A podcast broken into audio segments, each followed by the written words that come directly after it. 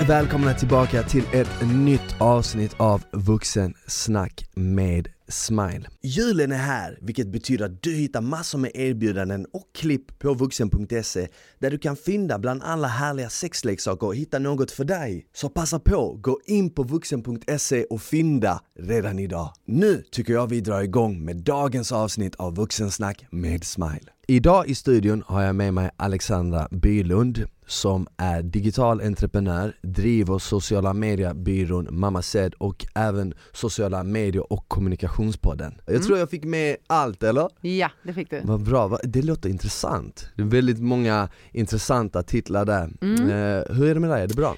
Det är fantastiskt. Kallt, nu har vintern kommit, Mm. men eh, annars jättebra. Mm. Och du kommer från Skåne nu direkt eller? Ja, från Malmö. Från Malmö. Hur var det att åka upp? Är det safe Alltså- eller är det mycket är det folk på tåget? Eller? Nej, vet du vad? Det, är, det var typ jag och min kollega i vår vagn och två Mm. till. Ja, men det är ganska safe. Det är safe, det är ja, det är en helt annan värld nu. Det är verkligen det.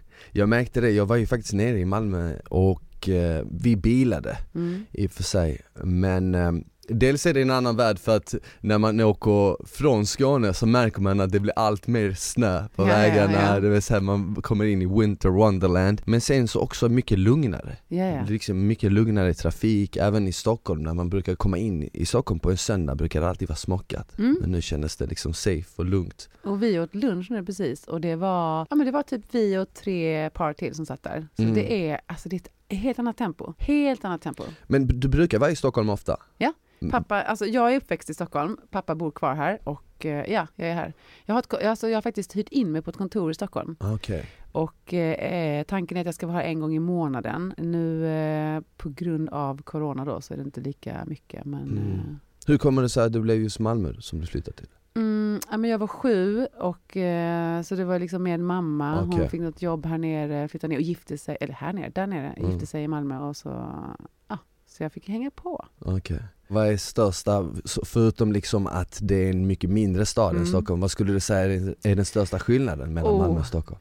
St- Alltså Malmö är någon sån här, det är lite så här kavla upp ärmarna nu kör vi stad, tycker Ah, jag.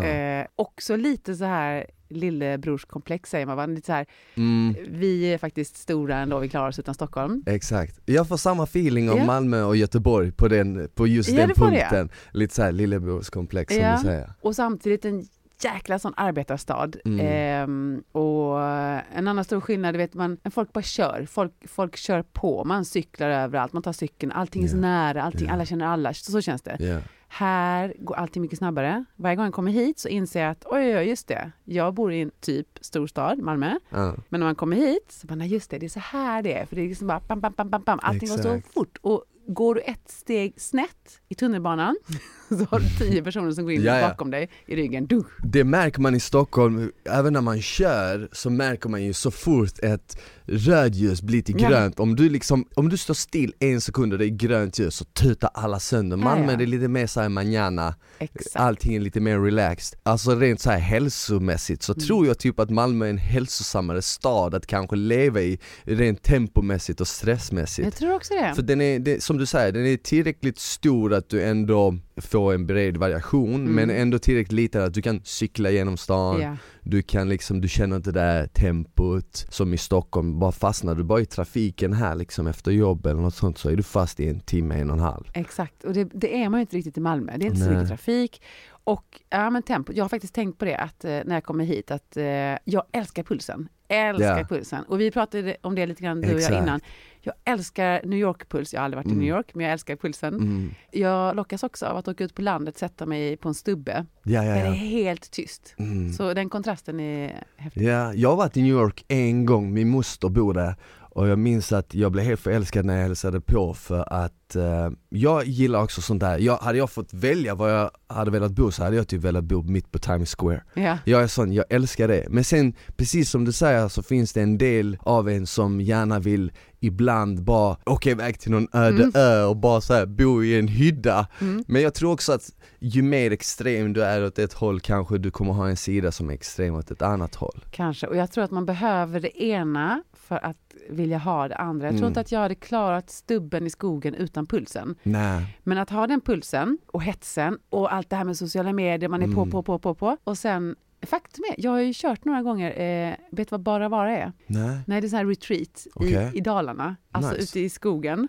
i en liten, liten ort som heter Vikarbyn. Okej. Telefonerna lämnar man in direkt, alla grejer, inte ens böcker har du. Sen är du tyst i eh, sex dagar när man är där, fem, sex dagar.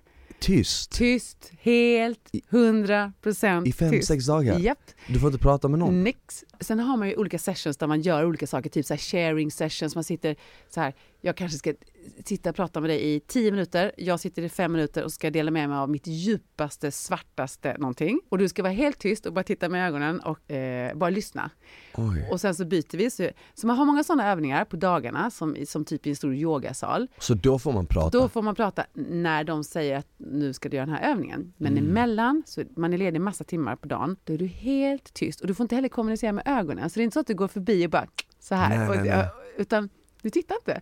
Så när någon går förbi dig så tittar du inte. Och så sitter du kanske vid ett matbord och äter lunch och käkar knäckebröd som liksom knastrar ganska mycket. och så är det helt knäpptyst. Det är så coolt. Det, det låter jävligt häftigt, vad sa du det hette? Bara vara. Bara vara. Mm. Och det är så sex dagar lång retreat. Mhm. Om det måste ju kännas sjukt med tanke på att hur uppkopplad man är Mm. just nu att kunna bara switcha över så. Första gången måste det varit jobbigt. Ja, jag höll ju på att dö. Nej, Ah. faktum är, jag höll mer på att dö av känslan inför. Mm. Jag tänker inte stänga av min telefon, jag tänker inte lämna in den, jag tänker inte vara tyst. Sen så fort jag fick lov att vara tyst, därför att jag är en människa som är ganska på och pratar. Mm. Du vet den här att slippa anpassa mig när folk gick förbi mig i korridoren. Yeah. Att bara ignorera. Att bara kunna slappna av i det och veta att det är ing- jag är inte ohyfsad. Jag kan bara skita i alla. Aha. Det var så jävla skönt. Fan det där låter häftigt, det där är någonting jag lätt hade velat testa. Jag rekommenderar det. Kanske inte fort- sex dagar direkt, kan man börja typ Man med börjar två, med- tre? Man börjar med tre nätter. Och, Och det är sen det jobbar faktiskt. man det upp I, exakt så är det. Så att börja med den första, man börjar alltid med någonting som heter dörröppnare 1. Jag rekommenderar det varmt. Och du kommer tacka mig när du har varit där. Mm. Någon gång i mitt liv har jag gått en längre period utan att vara uppkopplad och då har jag alltid känt typ att det känns som att mina sinnen förstärks Mm. och typ helt plötsligt så börjar jag lägga märken till saker som egentligen är så naturliga som typ så här, fåglar som kvittrar eller Exakt. vinden i ansiktet eller solsken i nacken, du vet sådana saker som egentligen en del av typ ens barndom nästan Ja.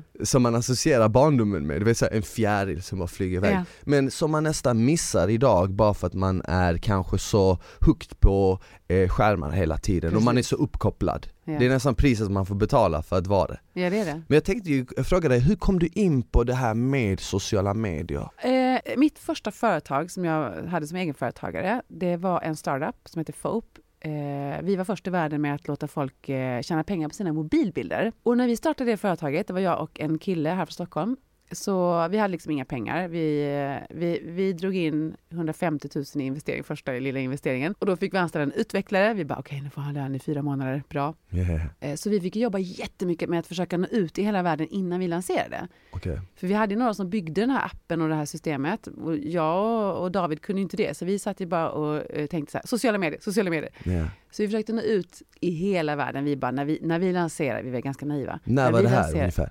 Eh, 2012. Okej så det var strax innan typ Instagram slog igenom stort? Ja, under den här perioden när vi startade så slog Instagram igenom. Ja, för att Eller jag, så- jag hörde talas om Instagram f- första gången runt 2012 Ja, så det var någonstans där det kom när vi höll på med detta. Och vi lyckades så satans bra. Mm. Eh, vi nådde ut så att när vi lanserade så det var som att smälla en bomb i världen. mm. Vi var i alla medier. Vi var på CNN, BBC, New York Times. Och vi drog in mer och mer investeringar och vet, så fort den här bollen började rulla så fick vi ännu mer snurr på våra sociala medier.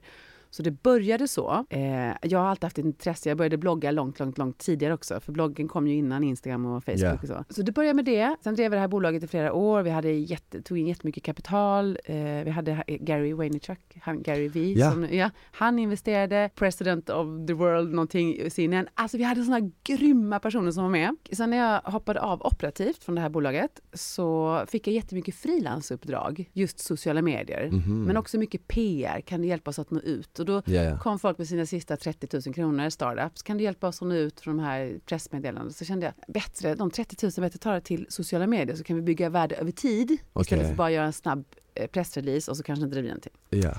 Så det kommer därifrån. Jag, dels att jag har ett in, jätteintresse av kommunikation, interaktioner mellan människor och dels för att jag gjorde, vi gjorde ett jäkla bra jobb där, jag och David, då, min medgrundare i vårt eget bolag som gjorde att jag fick in en massa uppdrag. Så jag liksom halkade in på den banan Mm. eh, tack vare att vi hade gjort det så bra. Så jag började hjälpa fler och fler företag med det här. Det i kombination med att jag är sjukt intresserad av det här med personlig utveckling, Mm. eh, människor, hur de funkar, kommunikations, alltså hur man, hur man interagerar med varandra. Och att jag är en person som anpassar, jag kan lätt anpassa mig efter stämningar, känna av stämningen i ett rum. Så Okej, jag vet vad andra vill ha. Okej. Och det gör att det jobbet passar mig helt utmärkt med eh, sociala medier. Så i dagsläget så är det inte bara företag du vänder dig mot när du jobbar Nej. utan även privatpersoner som vill bygga ett eh, varumärke?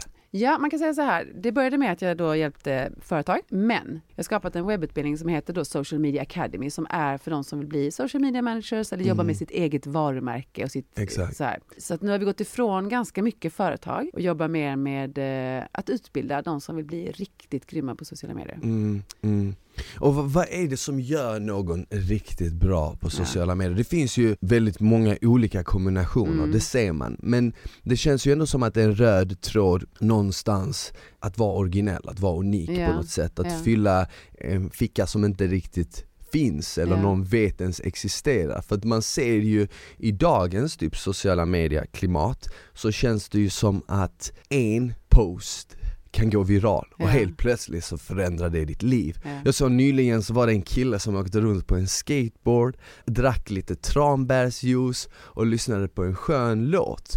Helt plötsligt så gick den här videon viral Ja. och hade miljoner visningar och det företaget som ägde det här, den här tranbärsjuicen, de åkte hem till han, gav han en SUV Ja. full med massa tranbärsjuice. Ja. sa här är nyckeln, här är tranbärsjuice, vi vill ge detta till dig för vi gillar din video så Ja. mycket. Och den här videon, det är säkert någon som lyssnar har säkert sett den, det är en kille typ USA som bara åkte på sin skateboard, drack tranbärsjuice och klippte in en gammal låt från typ 70-talet Ja, ja, ja. i bakgrunden. Vad, vad, vad, vad, vad skulle du säga, vad är det som gör eh, någon grym på just Mm. det här? Antingen så har vi det här, de som har väldigt tur, som är personligheter som är väldigt eh, unika, som, där, där du kan bara följa en människa, en person, eller Mm. där du kanske är Beyoncé. Ja. Då behöver du inte kunna sociala medier. Nej. Det är skitsamma vad du lägger ut. Har vi inte det, vilket de flesta av oss inte har, då måste man först och främst veta vem man pratar med. Alltså vem Mm. vill jag att detta ska vara till? Och inte bara så ja, men tjejer som är mellan 25 och 34 år, utan vem är det som faktiskt du vill prata till? Jag brukar alltid säga att man ska liksom skapa typ personas. Alltså typ man skapar en persona som man döper till Eva eller eh, Mm. Pelle och så tänker man vilka egenskaper har den här personen? Vad har den här personen för intressen, hobbys, bla bla bla så. Och vad inspireras den här personen av? Men också att hitta vad har jag eller vi som företag då? Vad har jag att bjuda på som är för den här personen? Vilken så, är din USP liksom? Ja, vilken är Mm. min USP? För det Mm. kan inte bara vara, okej, du håller på med träning. Ja. Om jag vill börja med träning, jag håller också på med träning fast jag gör inte det i sociala medier. Mm. Eh, jag är också utbildad personlig tränare. Men skulle jag starta ett träningskonto, jag har ett gammalt som jag inte har liksom, eh, hållit på med så mycket. För att jag tänker så här, ska jag någonsin göra någonting med det så måste det vara någonting speciellt. Ja. Inte bara träning. Nej. Det finns tusen... Det är så brett. Ja men det är så brett. Jag måste komma med någonting annat. Kanske jag ska bara köra rörlighet eller bara rörlighet för yngre eller för äldre eller för barn eller för, jag vet inte.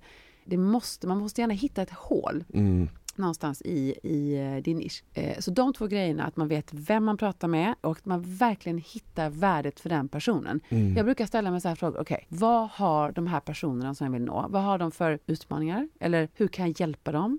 Eller hur kan jag effektivisera deras dag? Eller hur Ja. kan jag göra dem snyggare? Mm. Eller hur kan jag göra dem smartare, bättre, snabbare? Eller vad det nu är jag gör. Hur kan jag göra någonting för dem? Och sen är det också att fortsätta, fortsätta, fortsätta, fortsätta. För det händer inte över en natt. Om inte man är känd av en annan anledning. Ja. Men ska du bygga någonting i sociala medier och faktiskt bestå så handlar det om att fortsätta, fortsätta och nöta och nöta. Det är ju inte så på Instagram längre Nej. att det bara, att det bara växer. Eh, Nej, det gjorde det ett tag. Ja, För jag minns där runt 2014, nu var jag ju i och för sig eh, med i ett eh, program, ett realityprogram och det gav mig en sån jävla skjuts Mm. så jag fick en massa följare Men jag fick den skjutsen under rätt fönster. När Det var, var det då? Och hur, många, 2014, i hösten på och hur 2014. många fick du då direkt liksom? Oj, eh, typ 100 000 inom loppet av två, tre månader. Det var så ja. Det var Mm. så, och jag vet folk som fick mer. Jag vet folk som var ännu, som hade kalkylerat de här grejerna ännu bättre och fick 300 000 och kom upp till en nivå där liksom det bara växte organiskt globalt. Ja. Nu, var, nu är alla mina följare från Sverige, men eh, det händer inte på samma sätt längre. Nej. För den här, det känns som att plattformen i sig har liksom balanserats ut lite nu Ja. och nu är det, nu måste man ha de här ingredienserna som du rabblar upp för att Ja. kanske växa. Jag brukar se det lite som typ så här att jag som jobbar med det, att man är lite som ett mjölkpaket. Och du vet, någon kommer in i en affär och du ser en massa mjölkpaket Ja. och jag tänker så här: varför ska de välja mitt mjölkpaket? Exakt, exakt. Och då tänker jag så här: okej men mitt mjölkpaket kanske är eh, 0,1% fett och det är lite dyrare för att paketet i sig är lite lyxigare. Ja. Men du vet, det sticker ut. Ja, Och skillnaden är väl att jag kommer inte få alla nej. men jag kommer få de som vill ha just det mjölkpaketet. Exakt. Till exempel så brukar jag se min eh, sida. Ja, Sen när man gjorde det så fick man ett annat tänk. Men det är också för att jag själv är intresserad av typ så marketing och Mm. sånt vet. Så då, då tror jag också att man tycker att det är kul ja men exakt. på sätt och vis. Vet du vad jag brukar tänka liknande? Jag Mm. brukar säga till folk när inte de vet, så brukar jag säga så här, okej, om du går in i ett rum, du ska gå in i ett rum med tusen personer, gå in med nio konkurrenter, nio stycken liknande, vi säger att du går in med nio andra träningskonton, Ja, och så säger du så här, följ mig ja. av alla tio, därför att hos mig får ni bla bla bla. Så ska du kunna svara med en eller två meningar. Du kan inte bara säga så här, hos mig får ni träningsövningar. För då är inte du unik en av de här tio. Du måste ju, om du ska ha de här tusen följarna så måste du komma med någonting som är utöver det som de andra säger eller annorlunda än det vad de andra Mm. säger. Så att du nästan som en hisspitch med en, två meningar. Följ mig för att då får ni det här och det här. Ja. Typ så. Så, så med andra ord, du ska lära känna din target audience typ. Ja. Vi- Vilka, vill du, vilka vill du nå ut till? Och din USP, Ja. inte ge upp direkt. Exakt. Och sen också en annan sak som jag brukar tänka, oavsett vilken värld du är inom, att kanske ibland prata om eh, vad de kommer att uppnå istället för att prata om hos mig får ni det här, vi säger träning igen, eller som jag som jobbar med sociala medier och hjälper folk att bli bra på det. Istället för att säga här kommer du få massa olika övningar, träningsövningar, eller jag kanske säger här kommer du lära dig eh, om Instagram, Facebook, LinkedIn och TikTok till exempel. Så kanske jag kan säga så här, när du har gått mina utbildningar, eller när du har gått coaching hos mig så kommer du att vara en riktigt grym eh, social media manager, eller du kommer vara riktigt bra på dina sociala medier. Du kommer kunna jobba med detta. Du kan säga, när du är här så kommer du ha den kropp som du vill ha, du kommer vara så stark eller så hälsosam eller så frisk som du vill, vad det nu handlar om. Mm. Eh, och du kommer se ut som du vill se ut när du tittar i spegeln.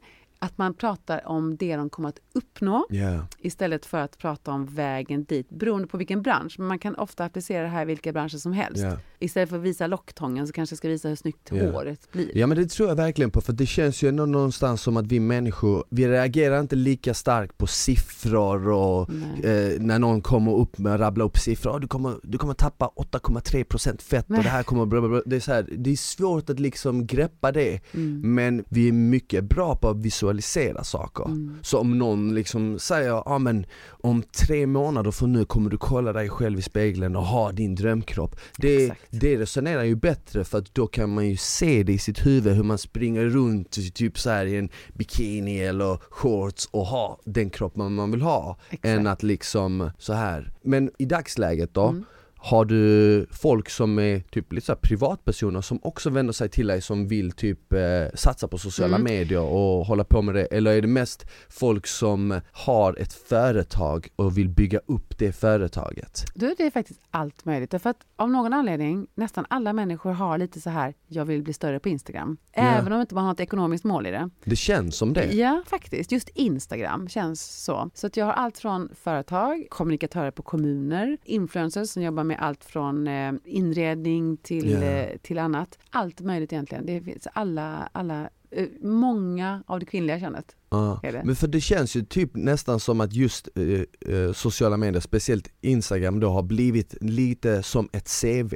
Ja, faktiskt. Typ, Mm. där man eh, inte bara liksom eh, visar sig själv och vad man gör men också når på sätt och vis ut till kanske arbetsgivare eller Jag antar ju ändå när man går och söker ett jobb eller någonting att folk ändå kollar upp en Ja, ja. på sociala medier Ja. Även om de inte gör det för jobbets skull, den chefen kommer ju förmodligen göra det från sitt privata konto Precis. och då så kanske det kan vara någonting som får dem att antingen känna att ja, men det här är en person man vill anställa eller det här är en person man inte inte, ser någon, någon liksom så här, ja, framtid med Mm. för det företaget. Exakt. Ja, men, exakt. Om man tänker så här hacks och sånt på Mm. IG, för det är så mycket snack om typ eh, algoritmer och sånt Ja. idag. Och jag vet själv inte om jag ska köpa det. Många säger så här, ah, Instagrams algoritm har förändrats, den har bla bla bla blivit eh, sämre, du kan inte lägga ut eh, det här. Mm. Finns det sådana regler och stämmer det till exempel att Mm. algoritmen har blivit sämre eller annorlunda eller att man får mindre engagement? Ja, så här är det. Algoritmen förändrades för flera år sedan. Det som har blivit sämre nu är att konkurrensen är mycket, mycket hårdare. Vi Okej. är fler och fler och fler och fler och fler som slåss om platserna För det är fler användare? Ja, Okej.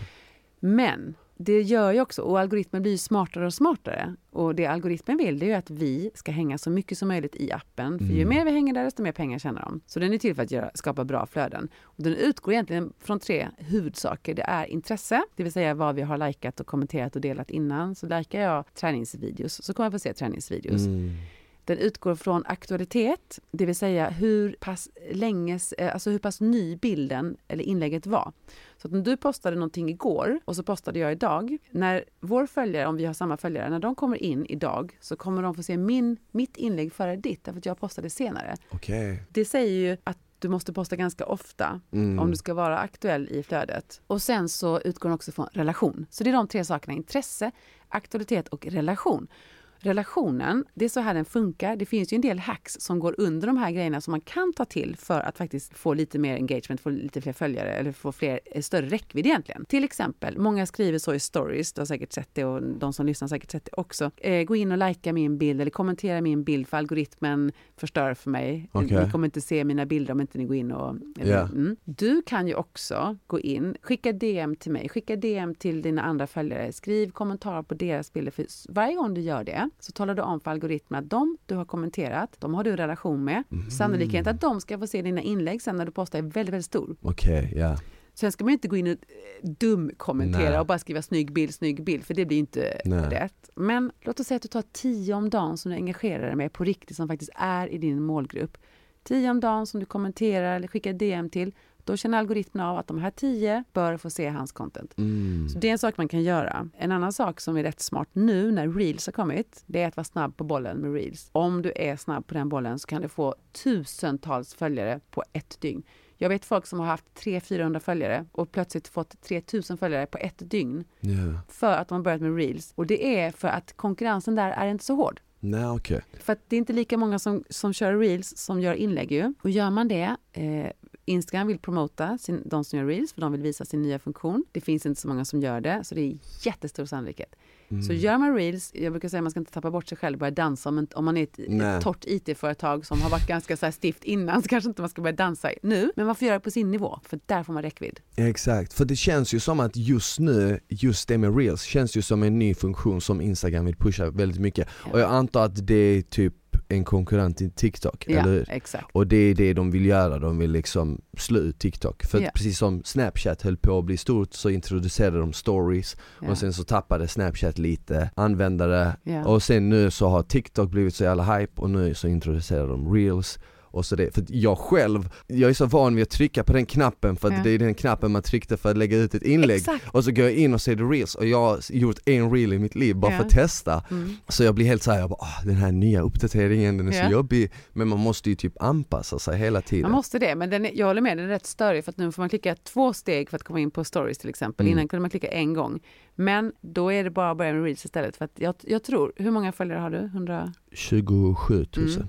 Du skulle säkert, om du har tur och gör en riktigt bra reel, du skulle säkert kunna öka med 10 000 på ett dygn. Mm. Om du då gör någonting som har med träning att göra så är det 10 Exakt. 000 rätt följare. Jag tycker man först och främst ska ge ett värde Om inte man är influencer eller, eller väldigt känd av någon annan anledning, att man är Beyoncé då, så att man liksom bara kan posta en bild och så. Ja. Ja. I första hand det man vill nå ut med, om det är en business eller ett budskap eller någonting. Men sen vill man ha en liten del av personen också, för man vill ju veta vem det är. Ja. Jag, ibland har jag haft företag som jag har, vi säger att jag har likat någonting eller kommenterat någonting på Instagram och så börjar de prata med mig och så ser jag bara logga och företagsnamn så pratar de i DM och jag vet inte vem det är. Nej. Är det, är det en tjej, är det en kille, är det liksom, vem är det som pratar med mig? Ja. Det blir så opersonligt. Jag vill ju förstå vem som är bakom också. Ja. Så lite grann vill man ju lära känna personen också. Så det är ändå, man vill ändå ha mix. Och det känns, rätta mig om jag har fel, men det känns också som att vi har typ rört oss mot en tid då folk vill ha allt mer, alltså personligt. Mm. Nu märker jag ju, jag själv gör inte det, men jag märker ju att väldigt många influencers och väldigt många stora konton på sociala medier är allt mer transparenta med sina följare. De Mm. visar känslor, de är inte rädda för att gråta, de är inte Mm. rädda för att säga att de mår dåligt. Det känns ju som att det är en, jag vet inte om jag ska kalla det en trend, för jag tror inte att folk kanske gör det för att det är trendigt. Nej. Men eh, det är det klimatet som råder just nu, att Mm. man är öppnare, man är ärligare. Många är så här Ja, jag tänker inte vara en sån som bara visar att det är frid och fröjd och mitt liv är perfekt. Exakt. Ehm, har du också märkt av att det är liksom lite mer öppet på så sätt? Mm, absolut. Och det, det känns som du säger som en trend, men en positiv trend ju. Mm. Sen kanske inte det är en trend på det sättet. Man sätter sig inte och gråter för att det är en trend. Men man kan, klimatet har tack vare trenden blivit lite öppnare. Så man kanske vågar göra det, man vågar dela med sig på ett annat sätt. Vilket är eh, fantastiskt tycker jag. För det, det är ju fint att det finns alla. Det, man kan inspireras av folk som bara visar framgångar Mm. och som alltid är positiva. Så länge det är ärligt. Men man kan också inspireras av de som vågar visa båda delarna. Så jag tycker det är jättefint och jättebra. Och även det här med du vet, alla filter och så. Ja. Och nu pratar ju folk en del om att ja, men nu vill vi ha diskbänksrealism på något sätt. Att det är så här, vi vill ha den skitiga diskbänken. Ja. På ett sätt så håller jag med om det. Men på ett sätt, ja, det vill folk ha. Men inte en dassig bild en måndag eh, hemma hos en barnfamilj där det verkligen är en smutsig diskbänk och bilden är dåligt tagen. Nej. Det är inte inspirerande. Nej. Vi vill fortfarande ha ganska hög kvalitet. Ja. Så vi vill ha hög kvalitet, men det får gärna vis, vi får, man får gärna visa baksidan av det glammiga livet ändå. Mm.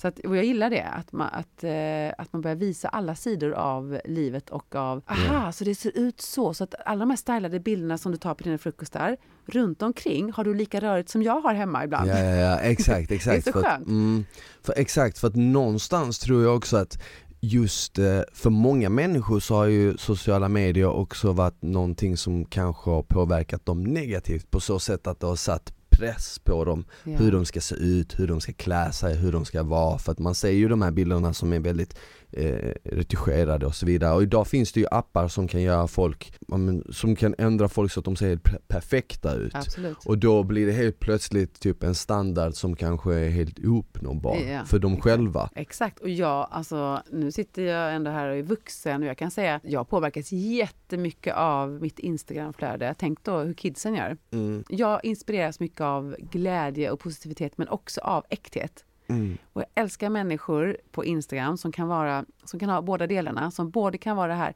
drivna, positiva, energi eh, no kring någonting. Men som också kan visa baksidan. Jag älskar det och det, det gör ju att man kanske förstår bättre att okej, kropparna ser inte ut sådär på riktigt. När hon står på i, och posar sådär, för att i mitt fall är det kanske så här, okej, magen är helt platt, rumpan är jättefin mm. och eh, hållningen är perfekt. Och eh, om jag då ska jämföra med hur det ofta är för tjejer som kollar på de här bilderna. Därför så gillar jag väldigt mycket att när man får se hur det är på riktigt. För jag tror att det kan vara skadligt annars, som du precis sa. Ja. Var det just på grund av det här som fick dig att känna att du ville testa på de här retreatsen? Att du kände att du behövde någon Mm. balans? Typ. Ja, jag är väldigt på, på, på mycket. Eh, jag är jättesocial och, och så. Men jag är också en person som älskar att stänga av. Mm, Som kan vilja sätta mig på den stubben i skogen. Jag gör aldrig det, men jag skulle vilja. mm, Och jag behöver nog hjälp till det, så då behöver jag åka på ett retreat, retreat ja. där jag inte kan. Jag gör det som ett projekt. Men i det projektet så landar jag och blir så otroligt i kontakt med mig själv. Som du sa innan, att man kan liksom känna hur vinden blåser. Jag Mm. vet, man sitter där, man får inte ha sin telefon, du har inga tidningar Nej. att läsa. Det finns inte ens någonting att läsa på tavlor på väggarna. Du ja. har ingenting att göra. Vad gör man då? Jo, man går runt, sätter sig i en stol, tittar ut. Björken utanför, den svävar i vinden. Eller den så här. Det tittar du på. Det är det som händer, att björken rör sig, löven liksom. Ja. Eller så går du iväg och så duschar du. Men då duschar du ganska länge för du, du, liksom så här, du luktar ju på duschkrämen och du, Ja. du, allting tar lite längre tid, du är, mycket mer, ja, du är mycket mer medveten och det är en väldigt bra kontrast till det här när man bara är på, på, på. Så att, Mm. ja, för mig är det nog så här att sociala medier gör mig, det är mitt jobb, men det gör mig också att jag tappar kontakten med mig själv. För någonting jag kan känna när jag typ pratar med vissa vänner som är influencers det är svårt att riktigt nå in där, det känns som att jag hela tiden typ pratar med ett filter mellan, du vet, det är ett filter mellan oss och det är nästan lite hemskt att säga men det är så här.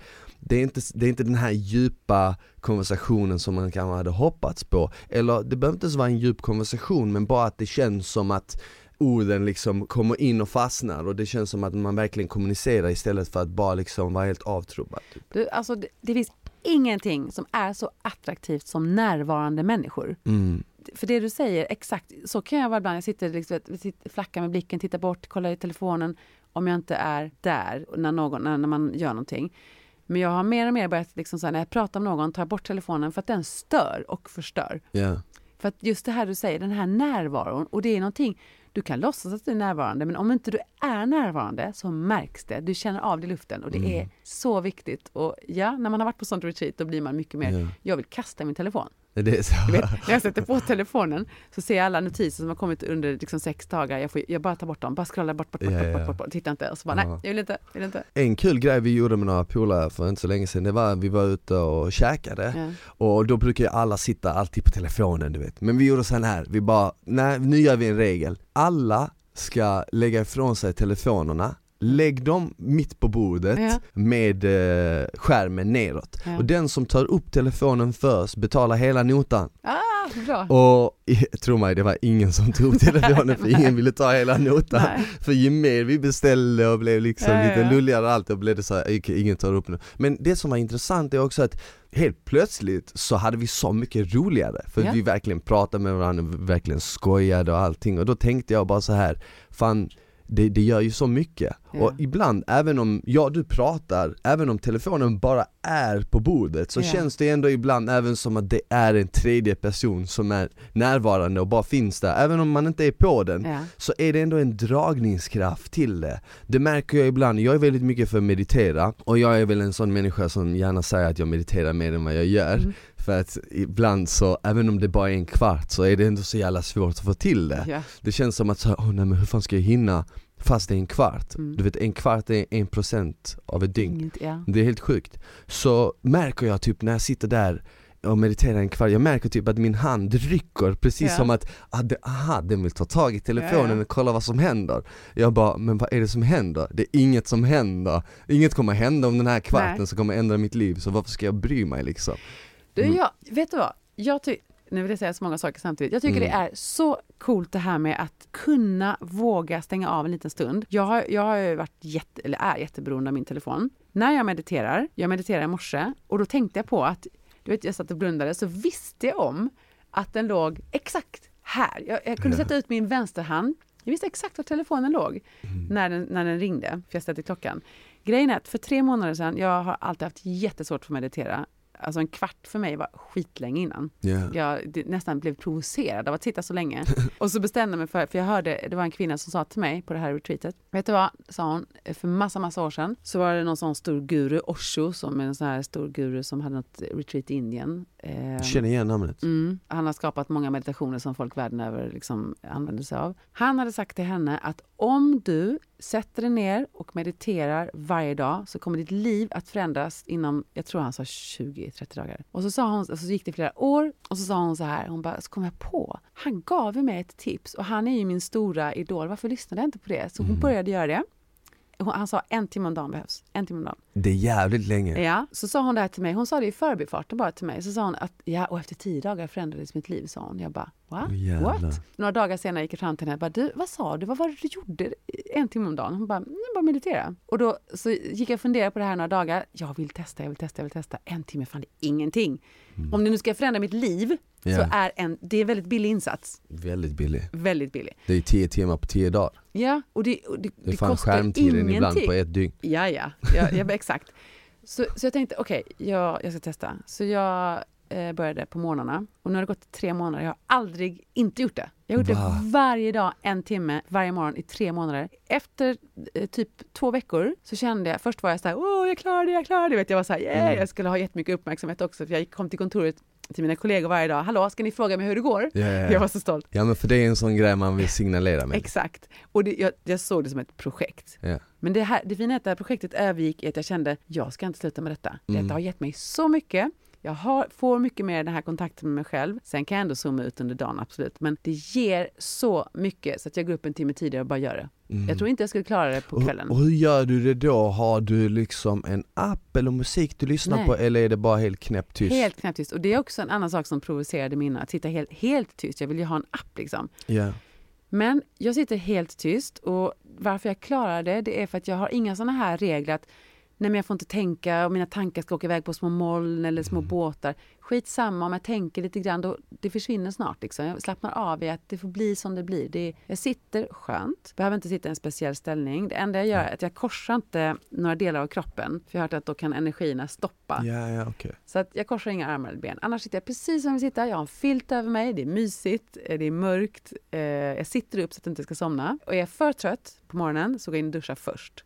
Okej. Och sen bara sitta där. Eh, och nu är det bara skönt. För vet du, vad, vet du vad nyckeln också kan vara ibland? Vill jag gå in i duschen och börja med ordning och börja med morgonbestyr? Eller vill jag sätta mig i soffan med filt över mig? Nej, Mm. men det är ganska skönt att sitta där och meditera faktiskt. Ja, ja, ja. Och det förändrar. Det var som hon sa, 10-15 dagar. Det förändrar så mycket. Men kunde du verkligen då börja, för att jag tycker en kvart är länge. Mm. Eh, kunde du verkligen börja då med en timme Ja. direkt? Jag hade gjort några kvartar hit och dit. Jag har mediterat i många år, Ja, men okej. inte, inte så kontinuerligt. Nej. Men jag har mediterat för kanske 5, 10, 15 minuter åt gången. Men skulle du säga för nya som vill börja med det, till exempel för mig då, Mm. eller någon annan som lyssnar, skulle du säga att det är bättre att börja med kanske en kvart, En kvart istället för en timme? Mm. För precis som du säger att man inte ska höja ribban för mycket och Nej. du ska tänka på moln och du som svävar. Utan att man börjar simpelt, Ja, 10-15 minuter och sen jobbar upp det med tiden. ja, jag skulle faktiskt ta 10-15 minuter. Det, hellre att man gör det varje dag. För jag tror att problemet i början kan vara om man bryter, om man går ifrån rutinen en dag, så det, du vet, då är det svårt att kanske, nej, kan inte gå ifrån Ja. den. Jag tror hellre att man ska bestämma, jag gör det varje dag. Om det är 5, 10 eller 15 minuter, skitsamma, jag gör det varje dag. Ja. Och om det så är fem minuter, för fem minuter kommer också ge. Och den dagen man känner att jag vill levla upp, då kan man göra det. Mm. Men att göra det varje dag och inte sätta några begränsningar hur man måste sitta, hur det ska se ut runt omkring, hur du ska hålla händerna, vad du ska tänka eller inte tänka. Skit i det, bara kör, bara Mm. sitt och försök, försök att bara koppla bort. Och jag tror, ja, exakt som att man ska göra det varje dag, så ser jag ju lite på träning. Ja. När folk vänder sig till mig och vill komma igång med träningen. För att många har ju en bild av att, ja men okej nu ska jag satsa på att träna stenhårt och komma Ja. i grym form. Nu måste jag köra sju dagar i veckan. Liksom två timmar om dagen. Och så är det inte. Jag brukar alltid säga så här, men du det är mycket bättre att du kör tre pass i veckan Mm. under 12 månader Ja. än att du kör sju dagar i veckan i en All in. månad och sen så bara kraschar du och så gör du inget på 11 månader. Ja. För det är ju bättre att hålla igång så och jag tror samma sak med meditation där, bättre att liksom köra en kvart om dagen och sen jobba upp det än att liksom försöka bara tänka, oh, men nej nu ska jag köra en, två timmar om dagen, yoga och så meditera, Mm. för då kommer, det, då kommer man komma tillbaka till det här där man känner bara att, man känner nästan att det ska inte kännas som att man är tvungen att göra det. Nej. Det ska kännas som att man gör det för att det är bra för en. Precis, exakt. Eller hur? Så, ja, så det håller jag verkligen med om. För att ofta, de flesta människor är så här all in Mm. och kör stenhårt och sen blir det för mycket och då är det Ja. inte kul längre och då gör man ingenting. Nej, och, och jag tror inte det passar majoriteten för, för alltså, visst har du ett specifikt mål och du kanske vill liksom satsa stenhårt på någon sport och vara elit, då är det ju liksom, då måste du gå all Ja, ja. in för att då snackar vi om att du ska liksom upp till toppenskiktet. Men om du bara liksom vill må bra, då, då, då är det kanske bättre att bara ha en låg ingångströskel Ja. typ, och sen fortsätta bara där. Och sen också räkna med, så eh, förut när jag jobbade som personlig tränare så brukar jag alltid säga till folk att räkna med, och detsamma med meditationen, räkna med att du har sjukdagar. Så att vi säger så här, du ska träna tre, tre gånger i veckan säger vi, under livet, varje, varje vecka. Men du kan inte träna tre gånger i veckan alla veckor under hela ditt liv, för du kommer vara sjuk, du kommer ha sjuka barn, du kommer resa iväg med jobbet, du kommer åka på semester, bla bla bla. Så räkna med att det kommer falla bort ganska många veckor och sen så ska du komma tillbaka efter sjukdom och så vidare. Tar man det i beräkningen innan, att det kommer svackor, så blir inte de lika tunga. Samma sak om du mediterar.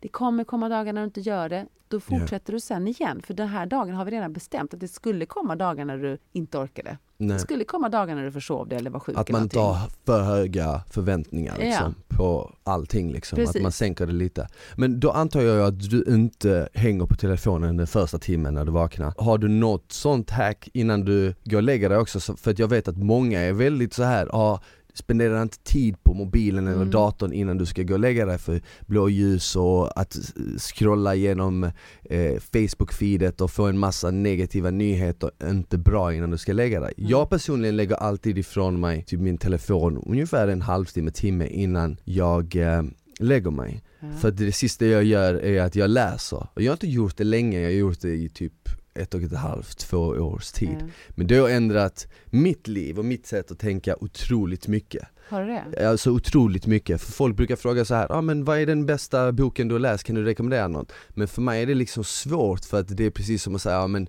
kan du, kan du säga vilket är ditt bästa träningspass, kan du mm. rekommendera något? det, är det är ju inget som är det bästa utan det bästa är att jag har gjort det fem dagar i veckan i tio års tid. Yeah. Så lite så säger jag på läsningen det bästa är att jag har gjort en halvtimme innan jag gått och lagt mig ja. i ja, 18 månader eller ja. några månader så här.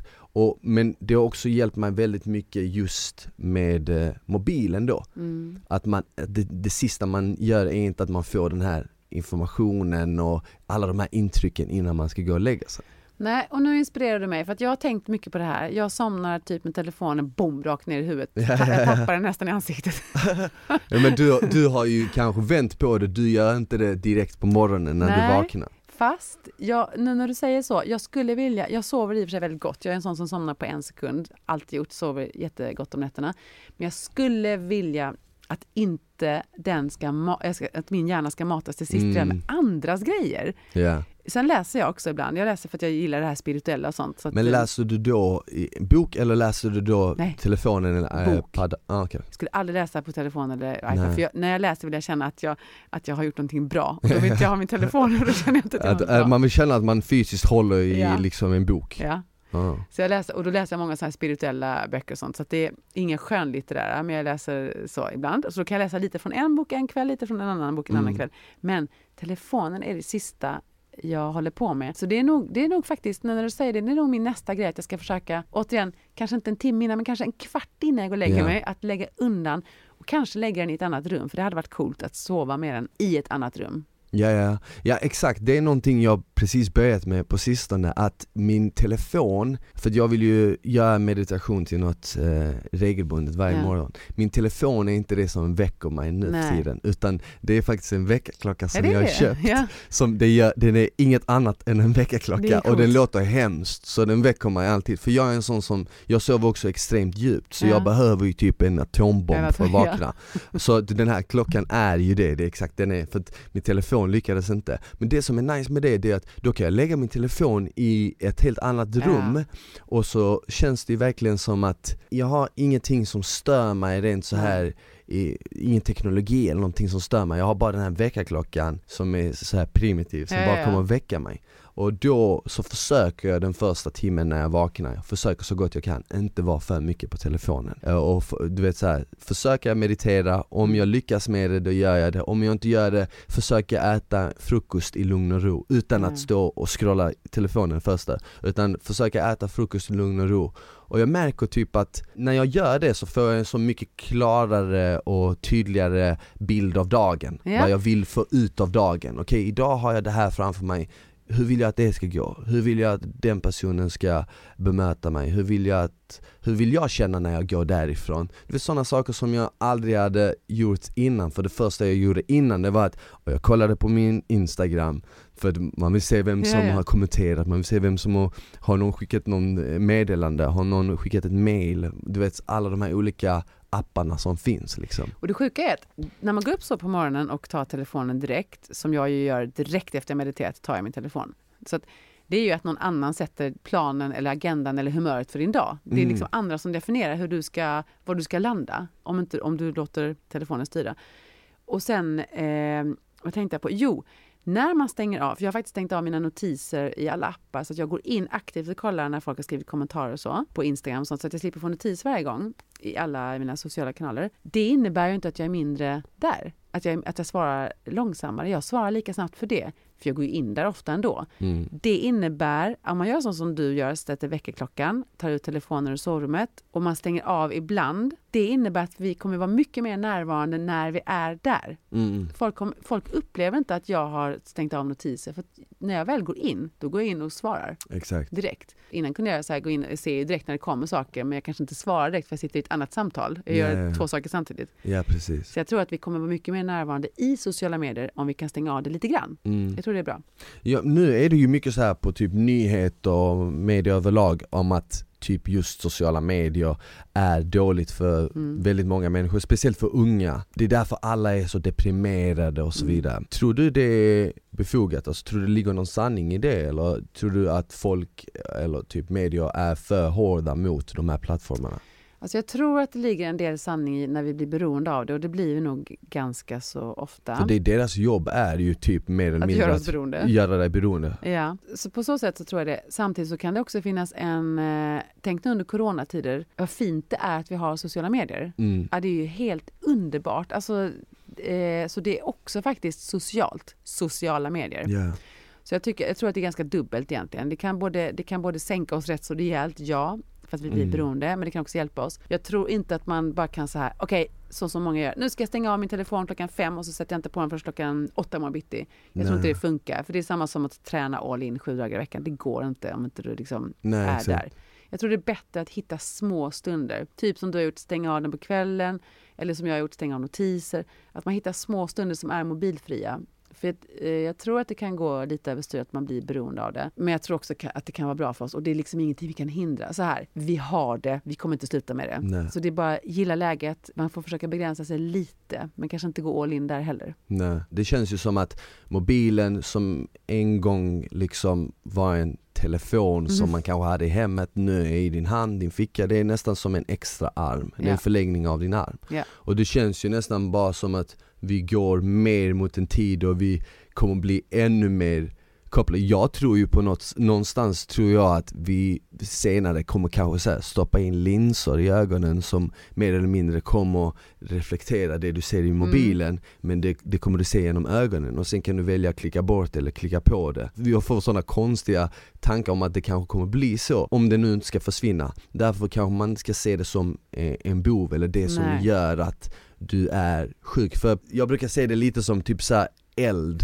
om man ska använda det som en metafor. Typ att antingen så kan det bränna dig eller så kan det liksom göra dig varm. Ja, Och, och typ samma sak är det med sociala medier, antingen så kan det hjälpa så att du kan få ut ditt budskap Mm. eller kommunicera med andra människor eller så kan det göra så att du mår dåligt över dig själv. Ja. Beroende på hur mycket du väl, äh, väljer att använda tjänsten men också vad du väljer att konsumera. precis. Eh, För man kan faktiskt välja hur flödet ska se ut. Ja, Alltså i ens flöden. Man kan faktiskt välja och jag tror att det är viktigt. Jag tror vi blir mer och mer duktiga på det. Att välja vad vi vill ha i våra flöden för att vi ska må bra. Och vi har ju ett ansvar själva där. mm. För allting som vi överkonsumerar blir ju nästan dåligt. Ät, alltså vi äter ju mat. Vi ska Ja. ju äta mat för att överleva. Men äter vi för mycket mat så blir det inte bra. Det blir inte hälsosamt. Eller även att träna till exempel, som är Träna något nytt. ja. De, de gångerna jag har tränat för mycket, Ja. när jag liksom kört 20 dagar i sträck, det Ja. har ju inte varit bra för min kropp Nej. eller mitt psyke, det har varit för mycket. Även om det är någonting som är bra för hälsan överlag. Ja men precis. Om man tänker att elitidrottare är så hälsosamma, det är de ju inte. De sliter ju sönder sina kroppar totalt. Mm.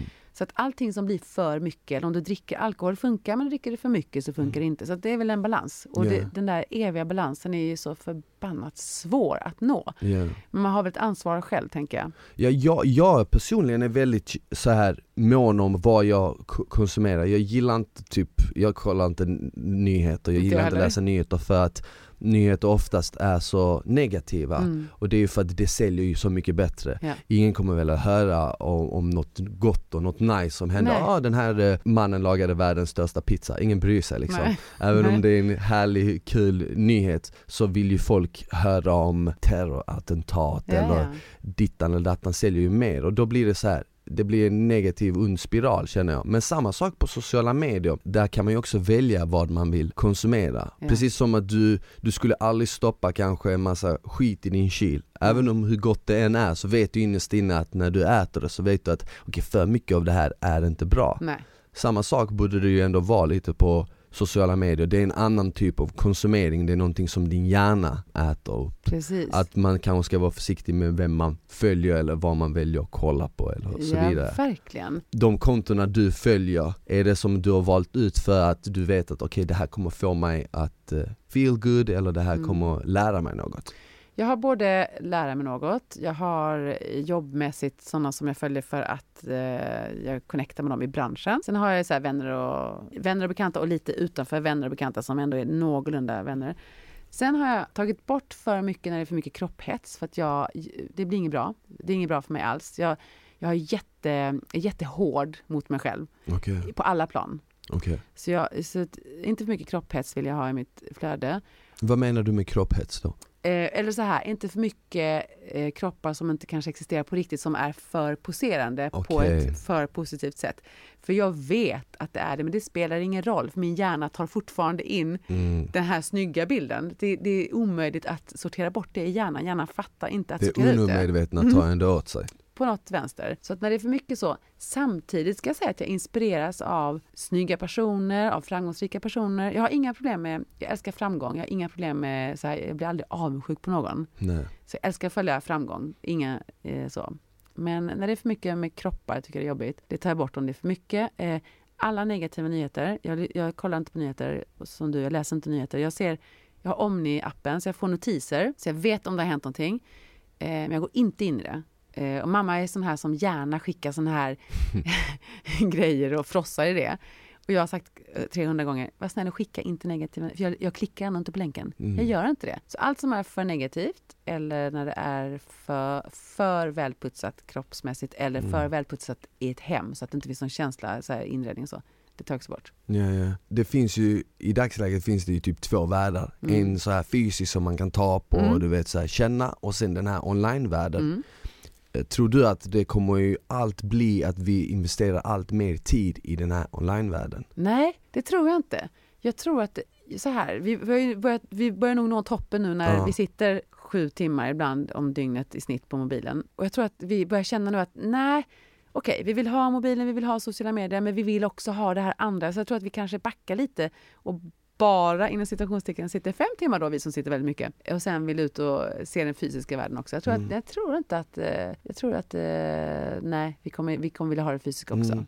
Ja, men för att jag hade Ida och Sofie, av dem som har Ångestpodden. Ja, just det. Jag hade dem eh, som gäster och eh, vi snackade ju just om det här med till exempel skärmtid och Ja. jag sa det, shit vissa dagar så vet jag att jag kommer upp i väldigt hög skärmtid och för jag jobbar med det, det kan vara så här sju timmar Ja. och då var de ute på skolor och föreläste och då sa ju de här eleverna, va? Sju timmar? Det är skitlite. Vi har ju sant. 13-14 timmar. För jag har också sju och det är nog bara jag och, och så har jag hört du då som har det. Ja, ja, ja men då var de så här liksom så här, va? Det är skitlite. Vi har ju Jaha. 13-14 timmar skärmtid. Ja. snittade de liksom på högstadie och gymnasieskolor och Mm. sånt liksom. Och då känner jag också så här: okej Mm. det där har ju, måste ju ha nått någon typ av peak Ja. där det kanske får en backlash Och vänder. För att precis som att du sa det här, ja men de här retreatsen till Ja. exempel, det är ju något nytt fenomen, eller relativt nytt kanske, eller?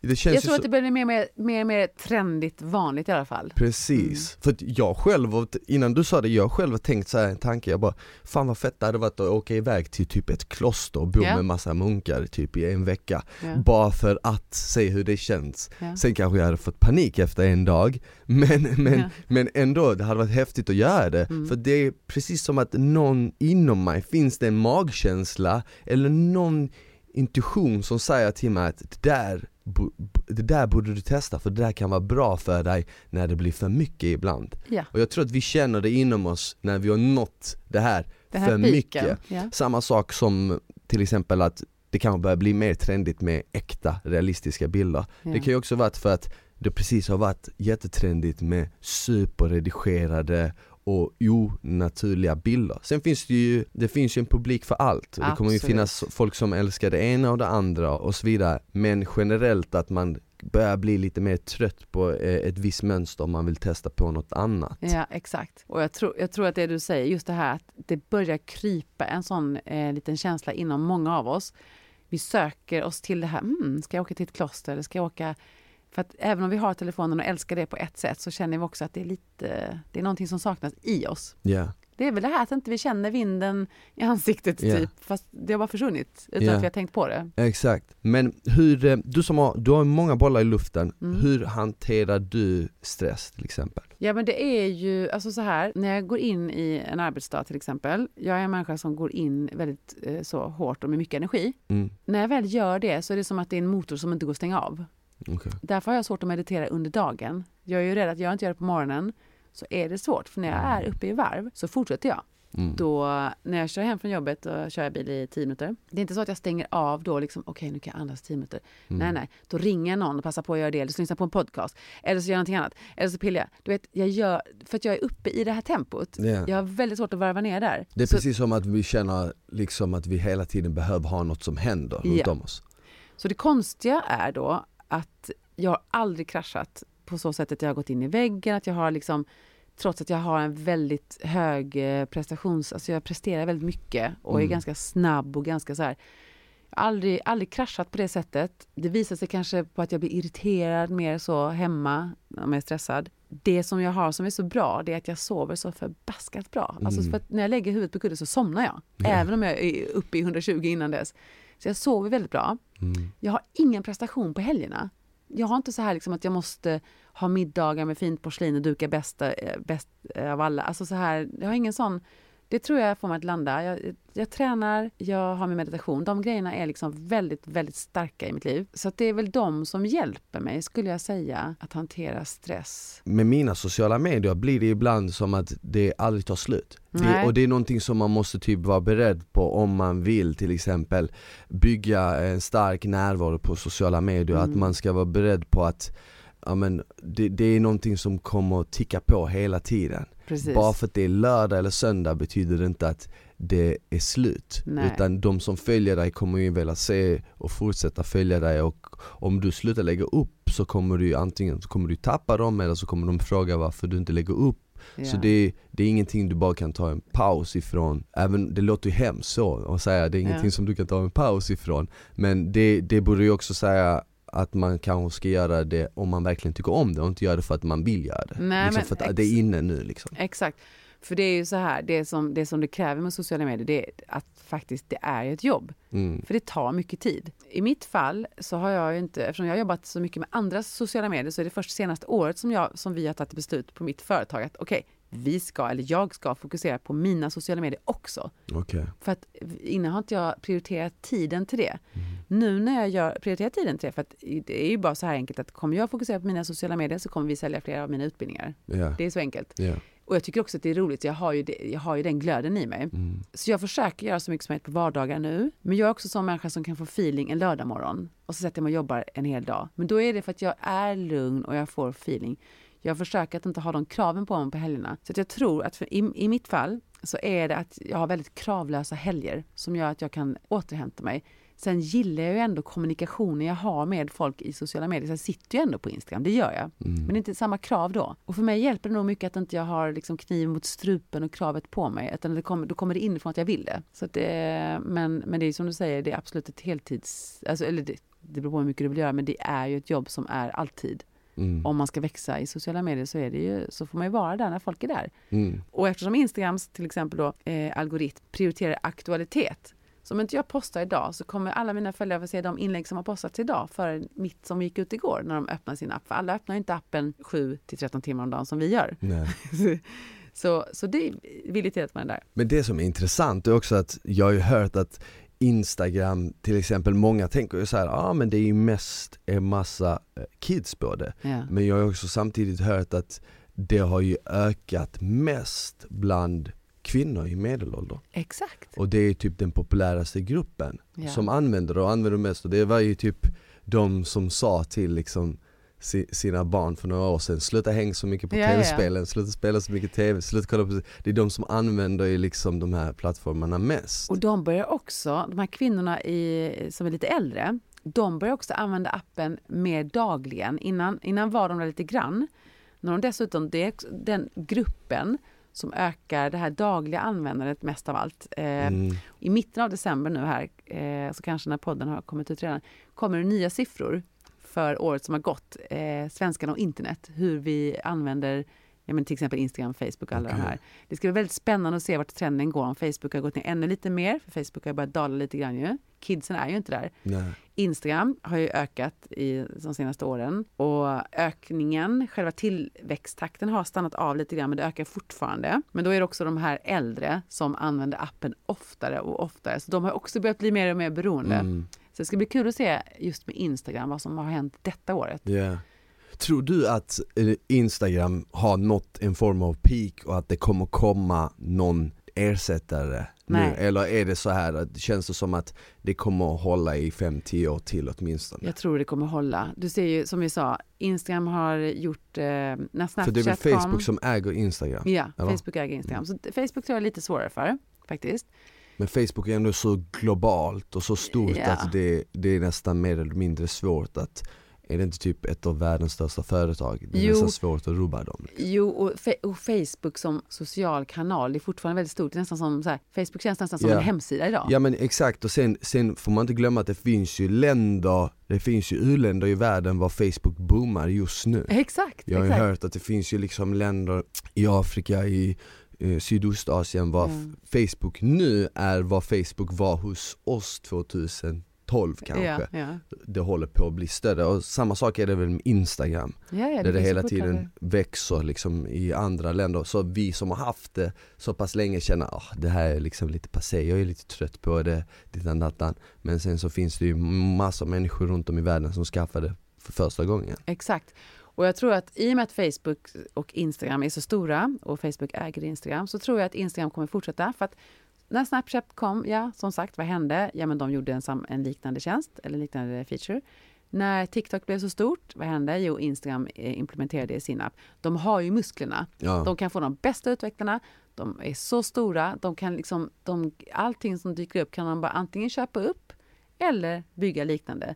De är så stora nu så att jag tror inte det kommer försvinna. Och nu när Instagram har så mycket som det har, det har reels, stories, Instagram börjar bli en riktigt igen rolig. Jag tyckte det var lite tråkigt för några år sedan, men nu börjar det bli riktigt kul igen, för nu har vi ju Snapchat och TikTok och allting i en enda app. Och det som jag tänkte på faktiskt häromdagen, jag tänkte på detta, det är att vi pratar inte så mycket längre om vad blir nästa grejen? Vad blir nästa grej? Nej. Vi har nog börjat känna nu att det kommer kanske inte så mycket nästa grej, men Nej. någonstans så kan det fortfarande utvecklas såklart. Jag tror att det kommer bli mycket mer fokus på det här med one-to-one, eh, pers- alltså så att vi ja, men chattar och kanske att Instagram kommer implementera mer chattfunktion som funkar som Messenger. Annars tror jag, tror jag faktiskt på det här att, att man har allting i en, och, i en och samma app som vi börjar faktiskt få med Instagram. Någonting som jag själv har börjat använda mer på Instagram, det är ju röstfunktionen. Istället för ja, att jag med. skicka ett, skriva ett meddelande Ja. så har jag, spelar jag in Ja. ett meddelande. Och det har jag egentligen inte börjat med för att det är så här, varit kul eller något sånt, vilket det har visat sig att det är. Ja.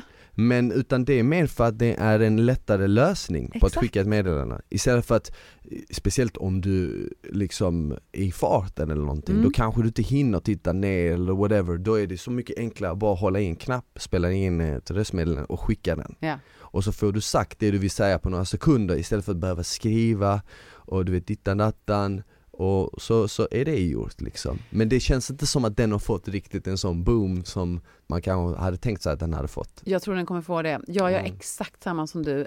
Den branschen som jag är i, jag får ju så många frågor. Hur ska jag göra för att växa på Instagram? Hur ska jag göra med det här? Hur ska jag göra med det här? Det är jobbigt att skriva det. Skitenkelt att svara med, med röstmeddelande. För då hör du tonfall, plus att om man är på väg som du säger, man kanske inte kan kolla ner och hålla på, eller sitter i bilen.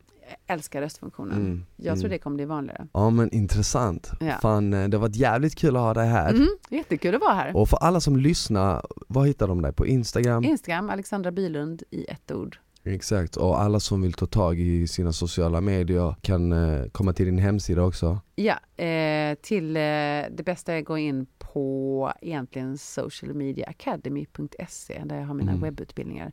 Eller så får man prata med mig på Instagram. Ja. Det också bra. Om man vill ta sitt Insta-game till next level. Till next level, ja. ja. Då. Ja, hoppas folk som har lyssnat har lärt sig något nytt. Eh, det har jag definitivt. Och eh, tack så mycket för att ni lyssnade på det här avsnittet. Vi hörs i nästa. Ciao! Hej då!